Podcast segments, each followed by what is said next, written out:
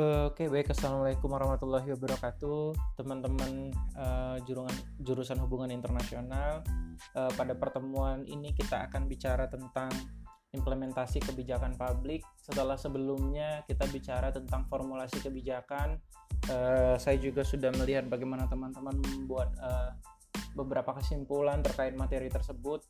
Uh, tapi pada dasarnya teman-teman formulasi uh, suatu hal yang uh, berfokus kepada uh, konflik interest atau konflik kepentingan yang uh, berlangsung. Nah, uh, proses bagaimana kebijakan yang sudah diformulasikan itu kemudian bisa direalisasikan dengan baik, kita mengenal sebuah uh, konsep yang namanya implementasi kebijakan publik. Oke, okay, uh, di tengah merebaknya uh, uh, public policy community atau eh, apa namanya semacam asosiasi-asosiasi kebijakan publik yang hari ini tidak hanya uh, dalam uh, lingkup kenegaraan tetapi juga sudah dalam lingkup internasional. Banyak sekali agenda-agenda kebijakan internasional yang uh, kita dengar pasca 2000-an hingga tahun 2000-an hingga uh, tahun sekarang.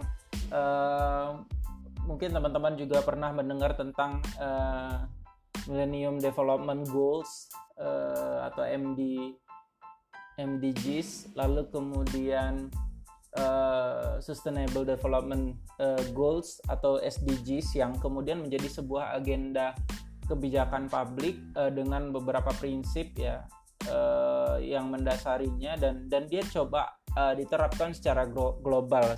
Semacam ada keinginan untuk uh, melakukan pembangunan berkelanjutan yang uh, berlangsung hampir di semua negara dan hampir di setiap daerah. Dan mungkin teman-teman ketika kita uh, lihat sekarang ketika uh, kita akan menemukan bagaimana dampak dari agenda-agenda kebijakan tersebut yang berhubungan dengan uh, adanya kerjasama uh, antar kota di lintas negara atau yang kita kenal dengan istilah sister city misalnya kota Bandung dengan salah satu kota di Jerman ataupun kemudian beberapa kota di Indonesia yang uh, menerapkan sistem sister city dengan kota lain di negara lain.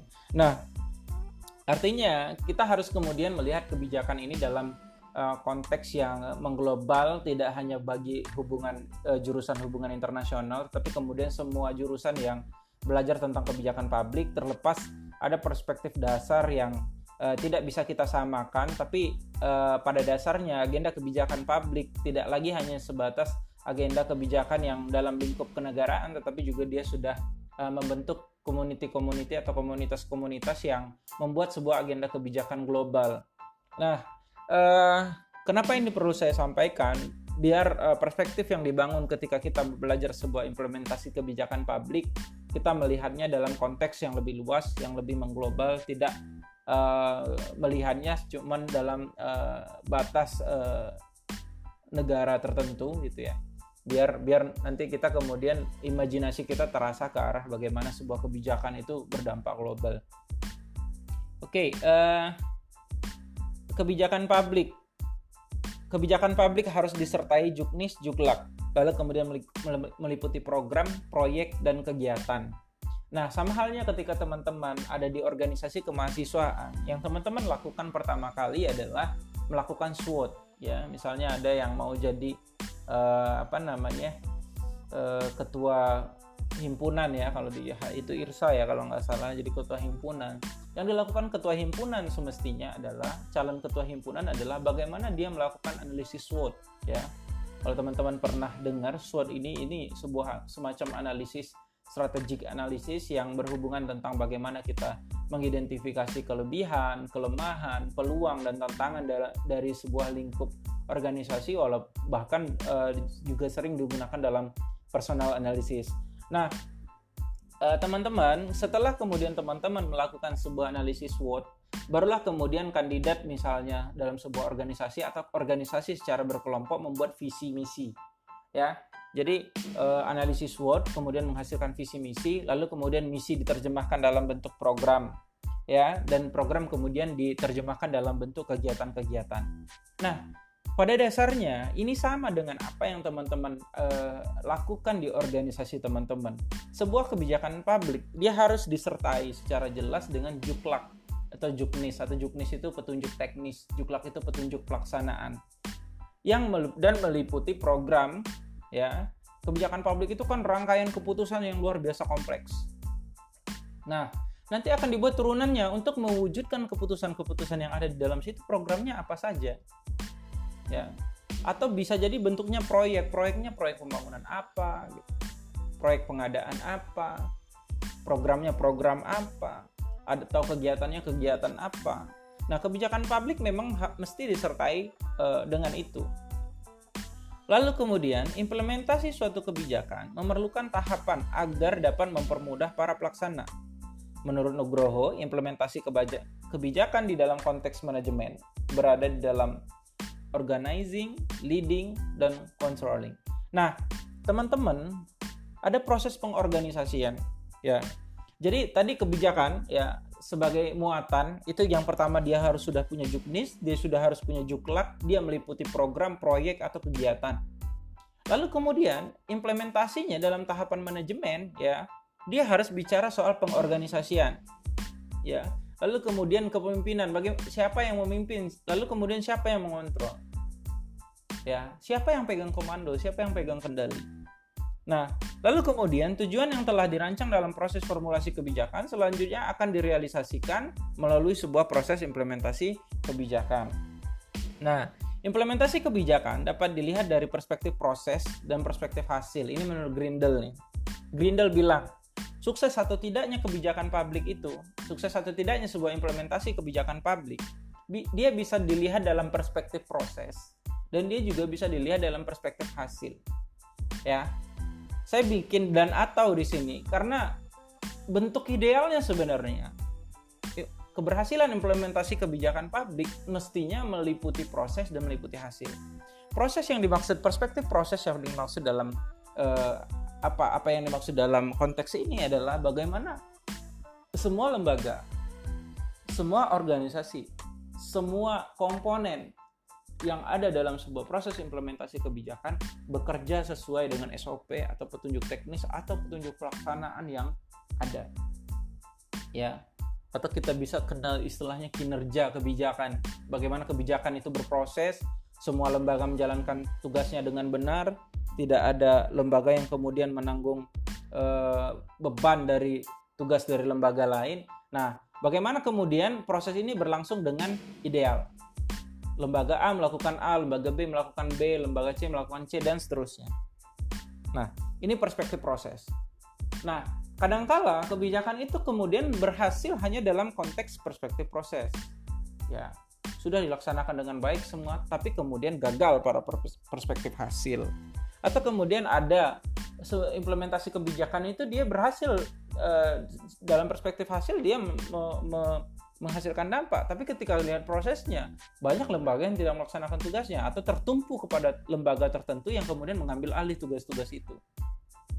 Ya tapi idealnya kemudian implementasi kebijakan itu berhasil dalam uh, perspektif proses dan berhasil juga dalam perspektif hasil. Artinya proses sesuai dengan uh, juklak, juknis atau SOP yang dibuat dari sebuah kebijakan dan hasilnya kemudian mencapai target atau sasaran yang uh, diharapkan dari kebijakan tersebut.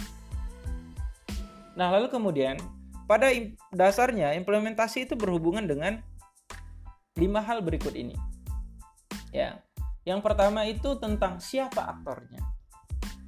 Ya bagaimana sumber dayanya nah siapa aktornya ini kan kita udah bicara itu dari formulasi kemudian ada uh, legislatif eksekutif yudikatif lalu kemudian ada kelompok kepentingan ada kelompok penekan ya macam-macam. Ya. Ada aktor di baliknya. Tapi dalam proses implementasi siapa aktornya? Ya yang pasti lembaga pemerintah. Ya lembaga pemerintah.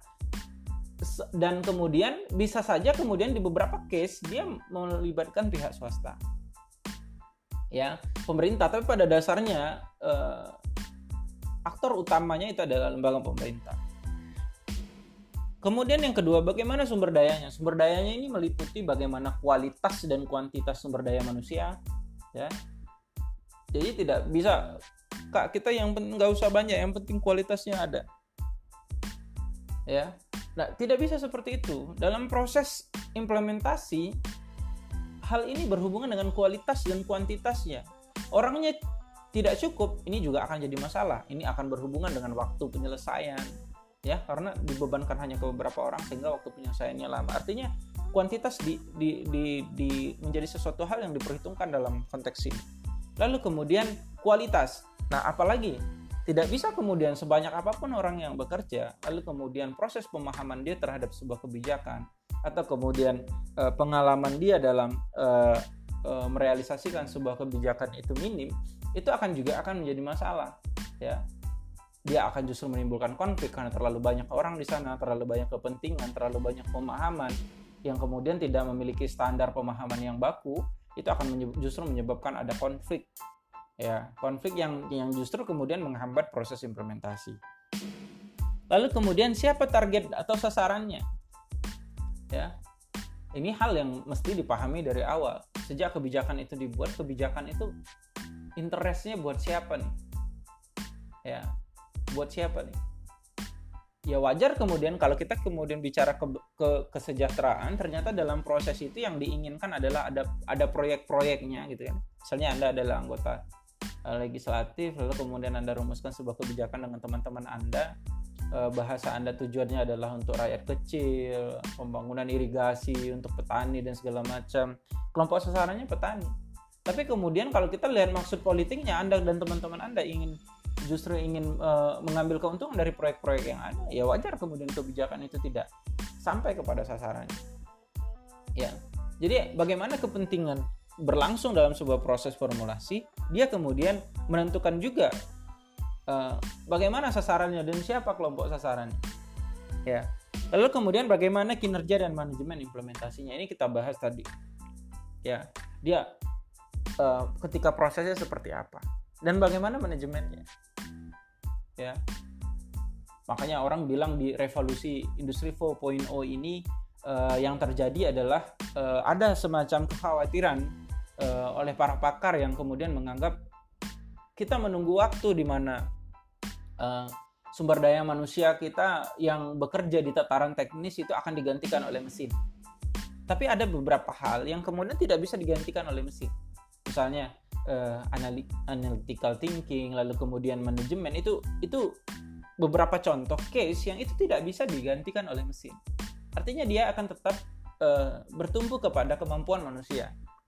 Ya dan begitu pun dalam implementasi pertanyaannya adalah bagaimana kinerja dan bagaimana implementasinya manajemen implementasinya ya ini menjadi tantangan artinya sampai hari ini pakar pun beranggapan bahwasanya ini posisi-posisi yang tidak bisa diserahkan kepada mesin Nah, lalu kemudian bagaimana mengukur keberhasilan implementasi tersebut?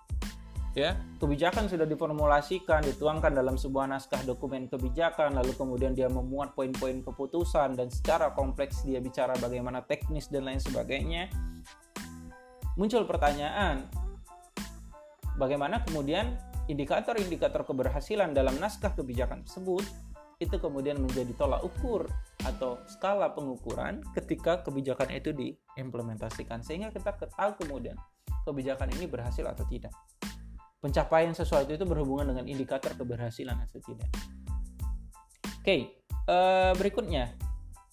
Dalam kebijakan uh, implementasi kebijakan ada dua pendekatan yang sangat populer sekali. Uh, saya tidak tahu ya ada beberapa sumber mengatakan bahwasanya sudah ada tambahan dari pendekatan ini. Tapi sejauh ini yang saya pahami kemudian masih sebatas dua dua ini pertama itu pendekatan top down ya pendekatan ini sering disebut sebagai pendekatan command and control yakni implementasi dipahami sebagai proses administrasi untuk mencapai tujuan yang telah ditetapkan. Tapi dalam konteks ini terlihat sekali bagaimana ada komando dan ada kontrol. Jadi ada ini benar-benar dari top down. Pencapaian tujuan kebijakan sangat dipengaruhi oleh kejelasan perintah dan pengawasan oleh atasan kepada bawahan. Ya, perintah dan pengawasan ya jadi ketika kita melihat dalam pendekatan top down, kita tidak juga kemudian bisa menilainya sebagai sebuah pendekatan yang otoriter, tidak. Artinya apa? Pendekatan ini semacam menjelaskan bahwasanya bagaimana perintah itu jelas dan bagaimana pengawasan berlangsung. Artinya keberhasilan dari sebuah implementasi dianggap sangat uh, tersentralistik kepada siapa yang memimpin. Lalu kemudian pendekatan bottom up. Pendekatan ini berpandangan bahwa perlu memperhatikan birokrat pada level bawah yang menjadi kunci keberhasilan implementasi. Implementasi hanya akan berhasil apabila proses perencanaan maupun implementasi melibatkan mereka yang terkena dampak dari kebijakan. Ya. Dan pendekatan ini berlangsung itu dari awal. Ya, sejatinya dia berlangsung dari awal. Ya. Makanya kemudian muncul pertanyaan, Pak, iya kita menemukan bahwasanya ada beberapa kebijakan yang seolah-olah tidak ada proses uh, mengundang uh, komunitas-komunitas masyarakat yang justru menjadi sasaran uh, lalu kemudian sebuah kebijakan dibuat lalu kemudian diimplementasi disosialisasikan lalu kemudian diimplementasikan dan ada pula kemudian kebijakan yang justru muncul dari masukan-masukan uh, masyarakat, masalah-masalah yang ada di masyarakat, lalu kemudian membentuk sebuah forum-forum diskusi, lalu kemudian uh, ber, berkonsolidasi dengan eh, pihak-pihak uh, yang berkepentingan lalu kemudian dibawa aspirasinya ke, ke parlemen lalu kemudian dirumuskanlah sebuah draft kebijakan lalu kemudian dia masuk dalam sebuah program legislasi nasional lalu kemudian dibahas dalam uh, sidang paripurna kemudian disahkan ini ini menjadi dua hal yang uh, lumrah ya terjadi dan ini dua kemungkinan yang yang benar uh, selama ini menjadi uh, hal yang uh, secara bergantian uh, ada di tengah-tengah proses kebijakan publik kita. Artinya memang uh, tidak salah uh, ketika memang sekalangan orang menilai bahwasanya kebijakan tertentu tanpa uh, melibatkan uh, kelompok sasarannya, tapi kemudian juga beberapa kebijakan lahir dari proses uh, aspirasi yang panjang dari tengah-tengah masyarakat. Berikutnya, ada beberapa model-model implementasi. Beberapa pakar uh, mengemukakan apa itu implementasi dan bagaimana prosedur dan apa kemudian faktor-faktor yang mempengaruhi keberhasilannya. Kalau teman-teman uh, ingin mendalami lebih jauh soal implementasi ini, teman-teman bisa datang ke perpustakaan FISIP ya. Nanti ketika sudah pandemi uh, apa namanya meredam teman-teman bisa datang ke perpustakaan FISIP. Di sana banyak sekali uh, skripsi-skripsi anak uh, jurusan ilmu administrasi publik. Uh, model-model ini adalah model-model akan menjadi teori-teori pokok yang mereka pakai dalam membedah masalah dalam proses pembuatan skripsi ya. Dan teori-teori ini uh, akan ditemukan sebenarnya dari teori-teori ini banyak sekali uh, variabel uh, apa namanya dimensi-dimensi yang hampir sama. Ya. Oke, kita bahas satu persatu. Model proses implementasi Van Meter Van Horn. Model ini tidak dimaksudkan untuk mengukur menjelaskan hasil akhir dari kebijakan, tetapi untuk mengukur dan menjelaskan apa yang dinamakan pencapaian program atau tujuan dari kebijakan itu sendiri. Dia mengukur kinerja dari kebijakan.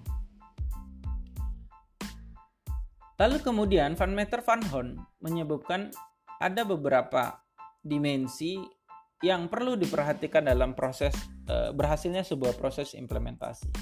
Yang pertama adalah ukuran dasar dan tujuan kebijakan. Dia bilang bahwasanya kita harus kemudian memahami terlebih dahulu apa yang menjadi standar atau ukuran dasar dari sebuah kebijakan. Dia berhasilnya sejauh apa? Ya, tujuannya untuk apa?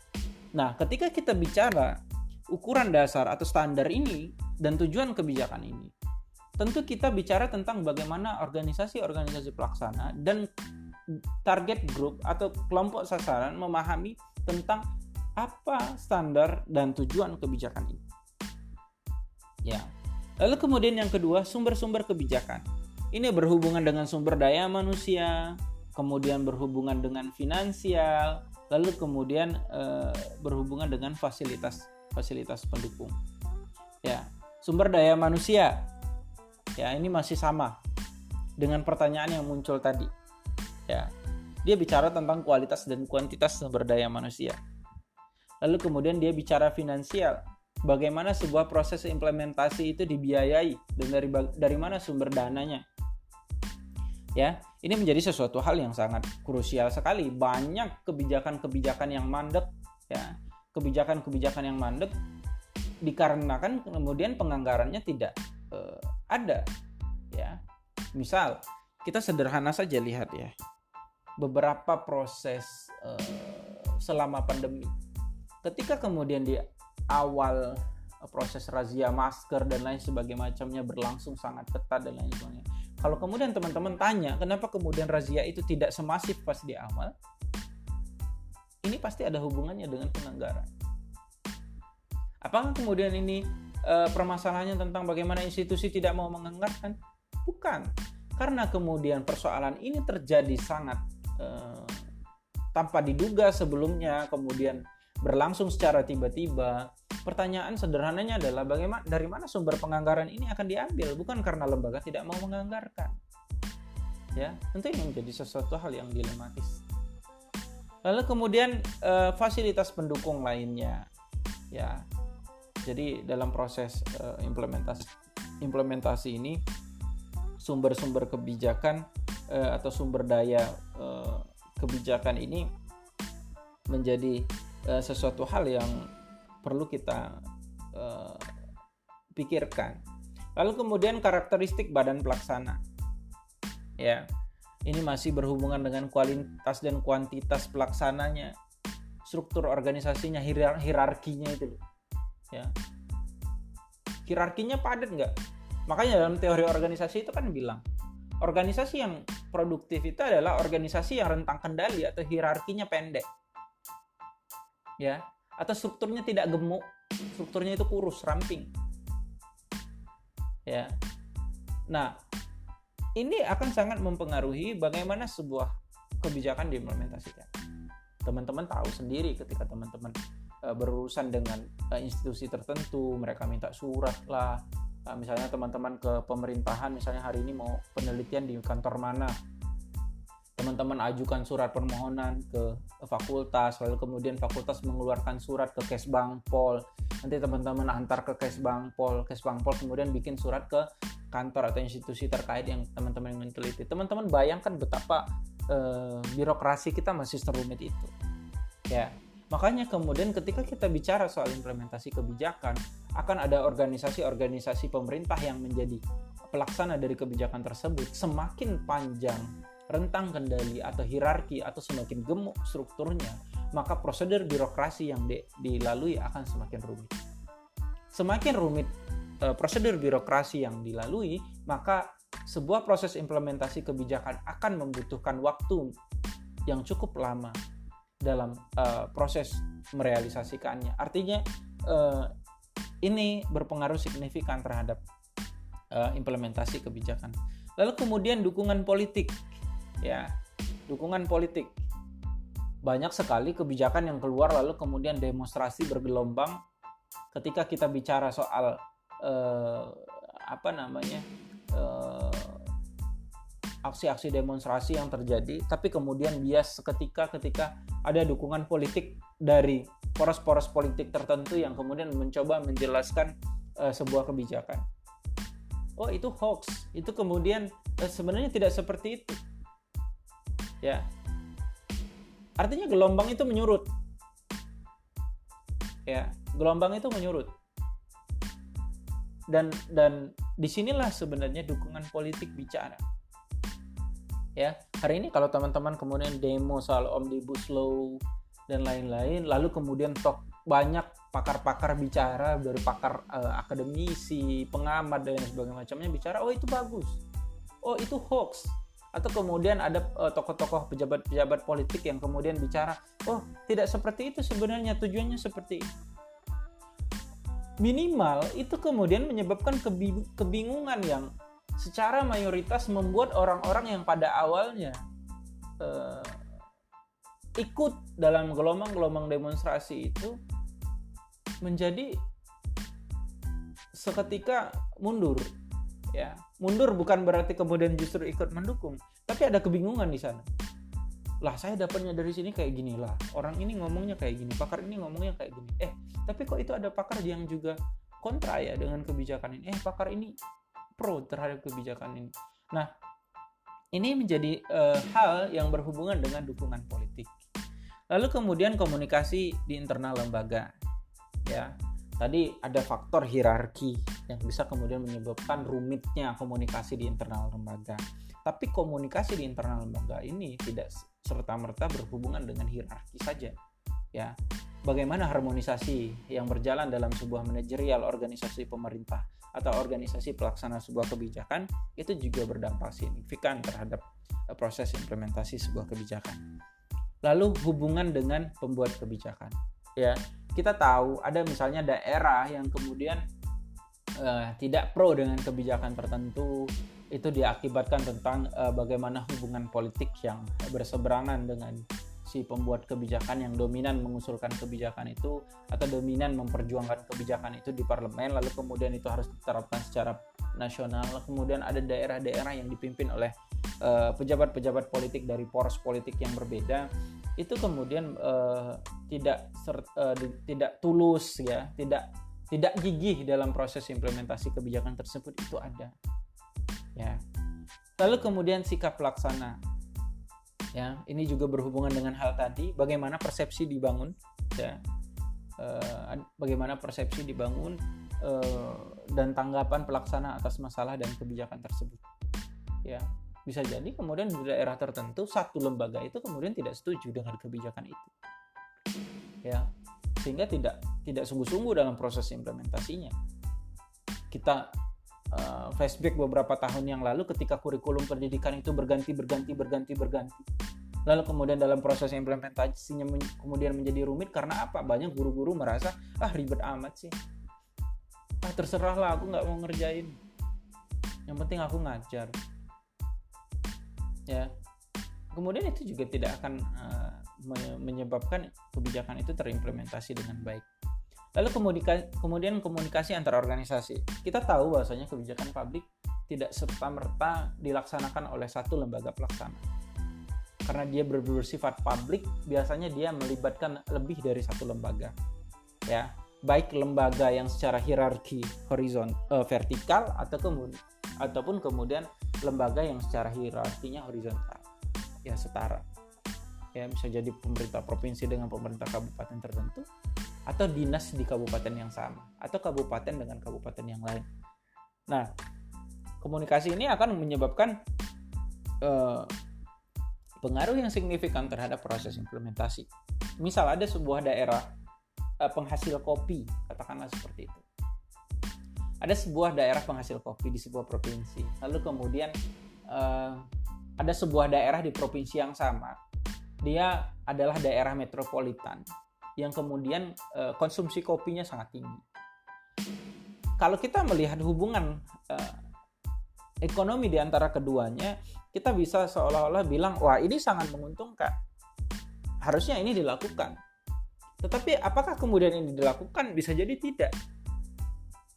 Apa salah satu faktor yang mungkin menyebabkan ini tidak bisa terjadi? Poros politik yang ber, yang ber, uh, kepentingan yang berbeda poros politik yang berbeda di di dua uh, daerah ini akan akan menyebabkan bagaimana uh, keduanya tidak bisa bekerja sama dengan baik. Ya. Jadi bagaimana misalnya sebuah kebijakan global katakanlah sustainable development goals bicara soal bagaimana uh, pelibatan uh, kerjasama kerjasama yang dibangun untuk membangun sebuah uh, uh, pembangunan yang berkelanjutan itu bisa tidak terjadi ketika kemudian ada perbedaan ini. Karena perbedaan poros politik akan menyebabkan komunikasi yang tidak harmonis. Ya kalau kemudian dua kutub uh, daerah ini dianggap sebagai dua organisasi komunikasi antar organisasi ini tidak akan berjalan dengan baik. Ya itu salah satu contoh saja karena komunikasi antar organisasi baik uh, atau buruknya tidak selalu di, uh, disebabkan oleh uh, poros politik yang berbeda tentu banyak sekali faktor-faktor yang uh, bisa mempengaruhinya. Lalu kemudian kondisi sosial ekonomi dan politik ini jelas kemudian menjadi persoalan ya bagaimana masyarakat ya melihat sebuah kebijakan, bagaimana masyarakat kemudian merasa terakomodir atau tidak dari sebuah kebijakan itu.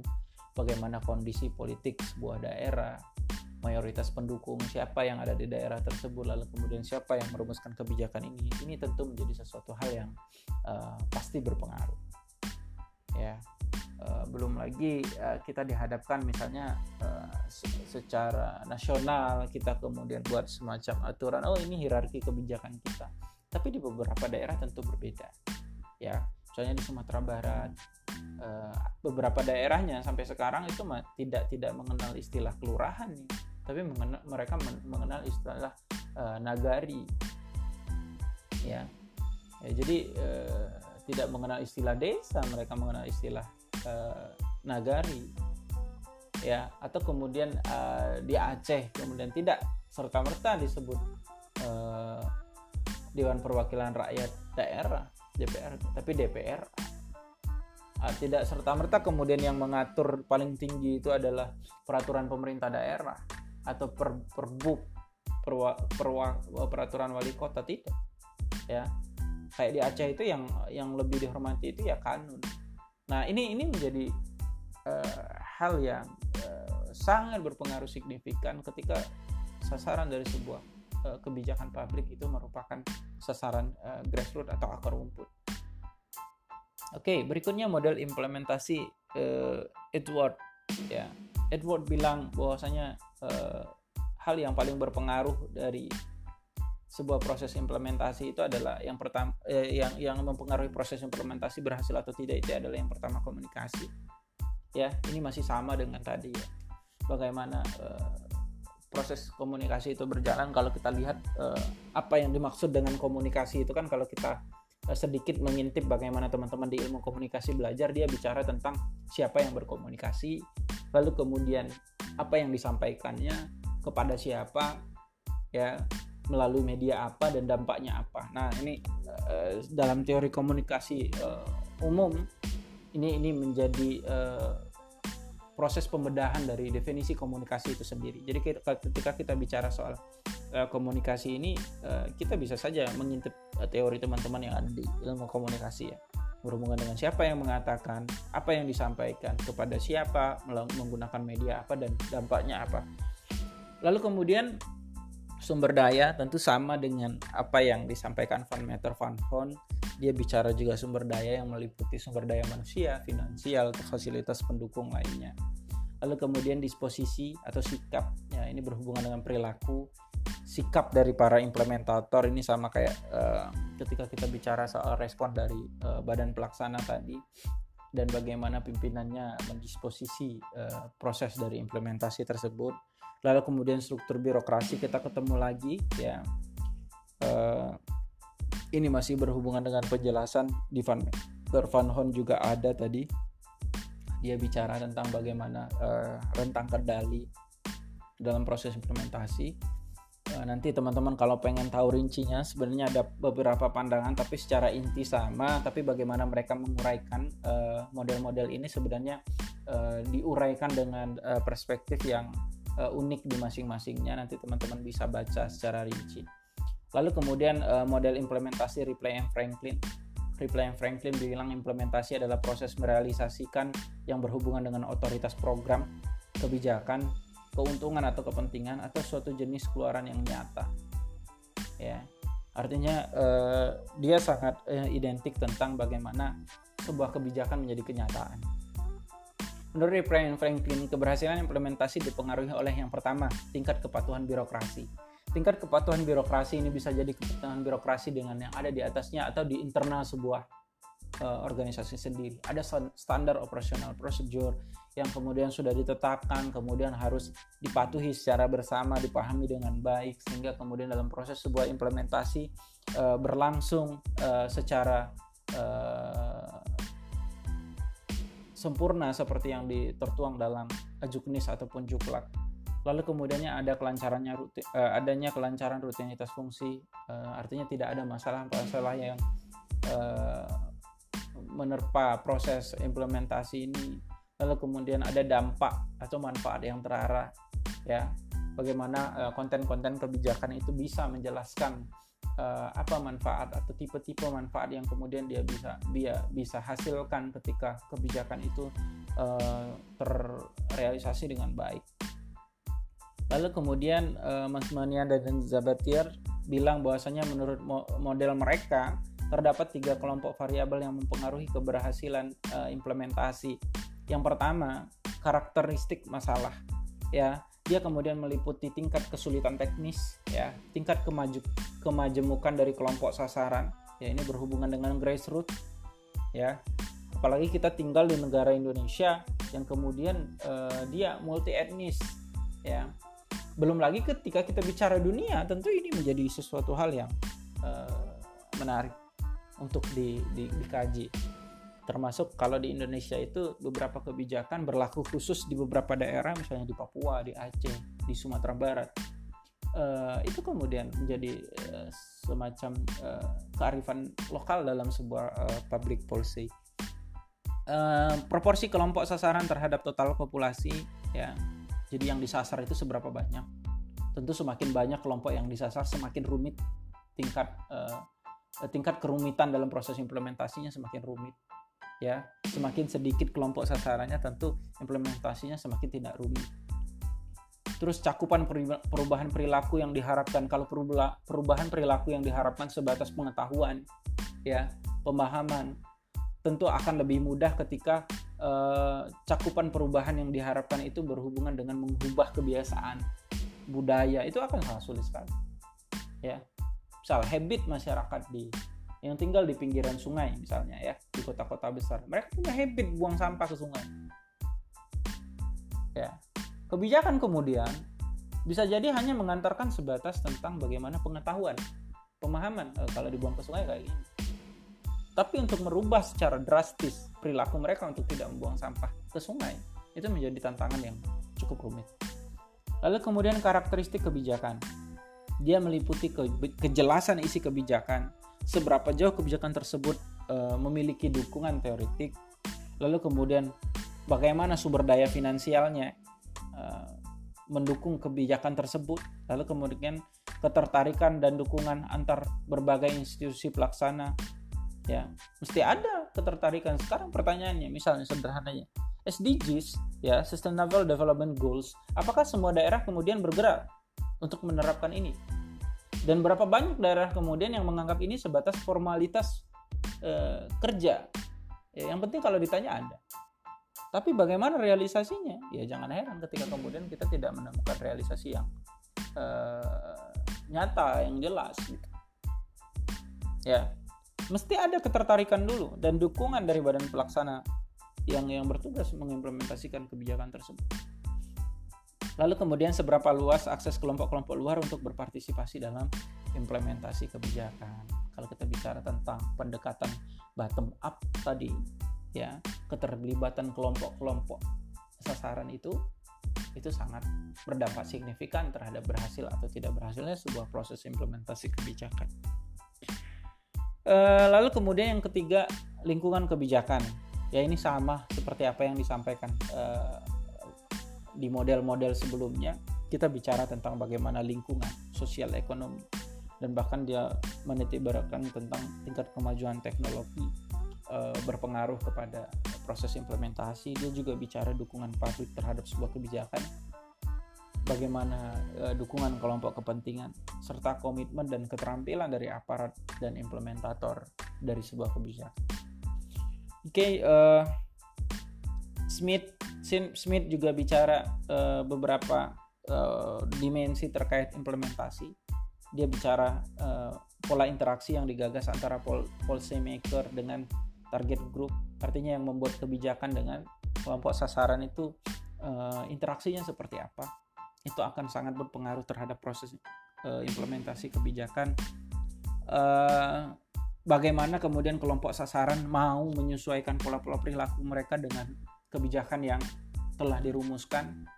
Lalu kemudian bagaimana badan-badan pelaksana bertanggung jawab dan memanajerial uh, proses implementasi kebijakan dengan baik.